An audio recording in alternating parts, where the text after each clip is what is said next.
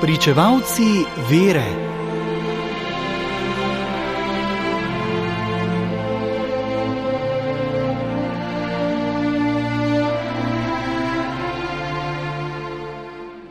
Pogled na svetniški koledar danes obuja spomin na opata in škofa svetega Bogomirja. Slovenski pregovor pravi: Nehvaležnost je plačilo tega sveta. Resničnost tega pregovora je na lastni koži bridko občutil sveti mož, sveti Bogomir, benediktinski redovnik, samostanski predstojnik in škof. Rodil se je okoli leta 1065, severovzhodno od Pariza. Oče in mati, ki sta tam imela posestvo, sta otroka dobila pozno.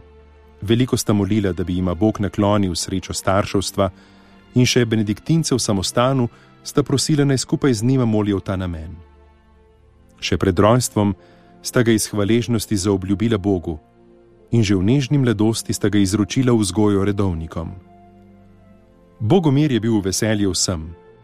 Bil je bister, nežno čuteč otrok, zlasti sočuten do bolnikov.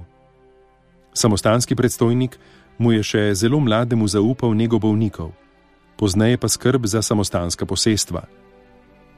Ko je dosegel primerno starost in ustrezno izobrazbo, je bil Bogomir posvečen v duhovnika.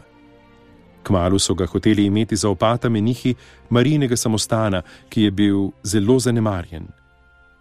V njem je živelo le šest menihov, posestvo je bilo skoraj neobdelano. Ko je prišel za opata Bogomir, so bile v kratkem času nive spet lepo zorane in posejane. Jeseni je bil pridelek tako bogat, da so morali postaviti nova gospodarska poslopja. V samostanu je v vsakem pogledu zavel nov duh. Leta 1104 je moral opad Bogomir zapustiti mirni samostan, kajti sinoda ga je proti njegovi volji izbrala za škofa v Amjenu. Tam so ga ljudje prisrčno sprejeli. Ubožci in gobovci iz vse dežele so trkali na njegova vrata. On pa jim je pomagal, kolikor je mogel. Ko je leta 1106 požar upepelil skoraj vse mesto, je Bogomir razdal vse, kar je imel, da bi mesto zraslo še lepše. Toda ljudje so se izkazali nehvaležne.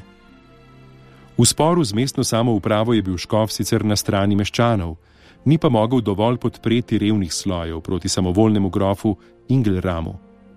Novembra leta 1114 se je po hudih razočaranjih zatekal v veliko kartuzijo, vendar zbor škofov njegove odpovedi škofovskemu sedežu v Amjenu ni sprejel. Še leto dni je Bogomir potrpežljivo prenašal neznosen strah in surovosti kaljivcev miru. Ko je 8. novembra leta 1115 dotrpel v samostanu blizu svojega rojstnega mesta, so njegovi nehvaležni verniki spoznali, koga so svetniškim škofom izgubili. Ime Bogomir je slovansko ime, zloženka iz besed Bog in mir.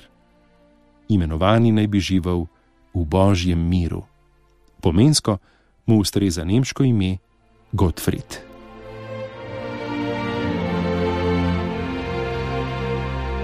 Brali smo iz knjige Svetnik za vsak dan ki jo je napisal Silvestr Čuk.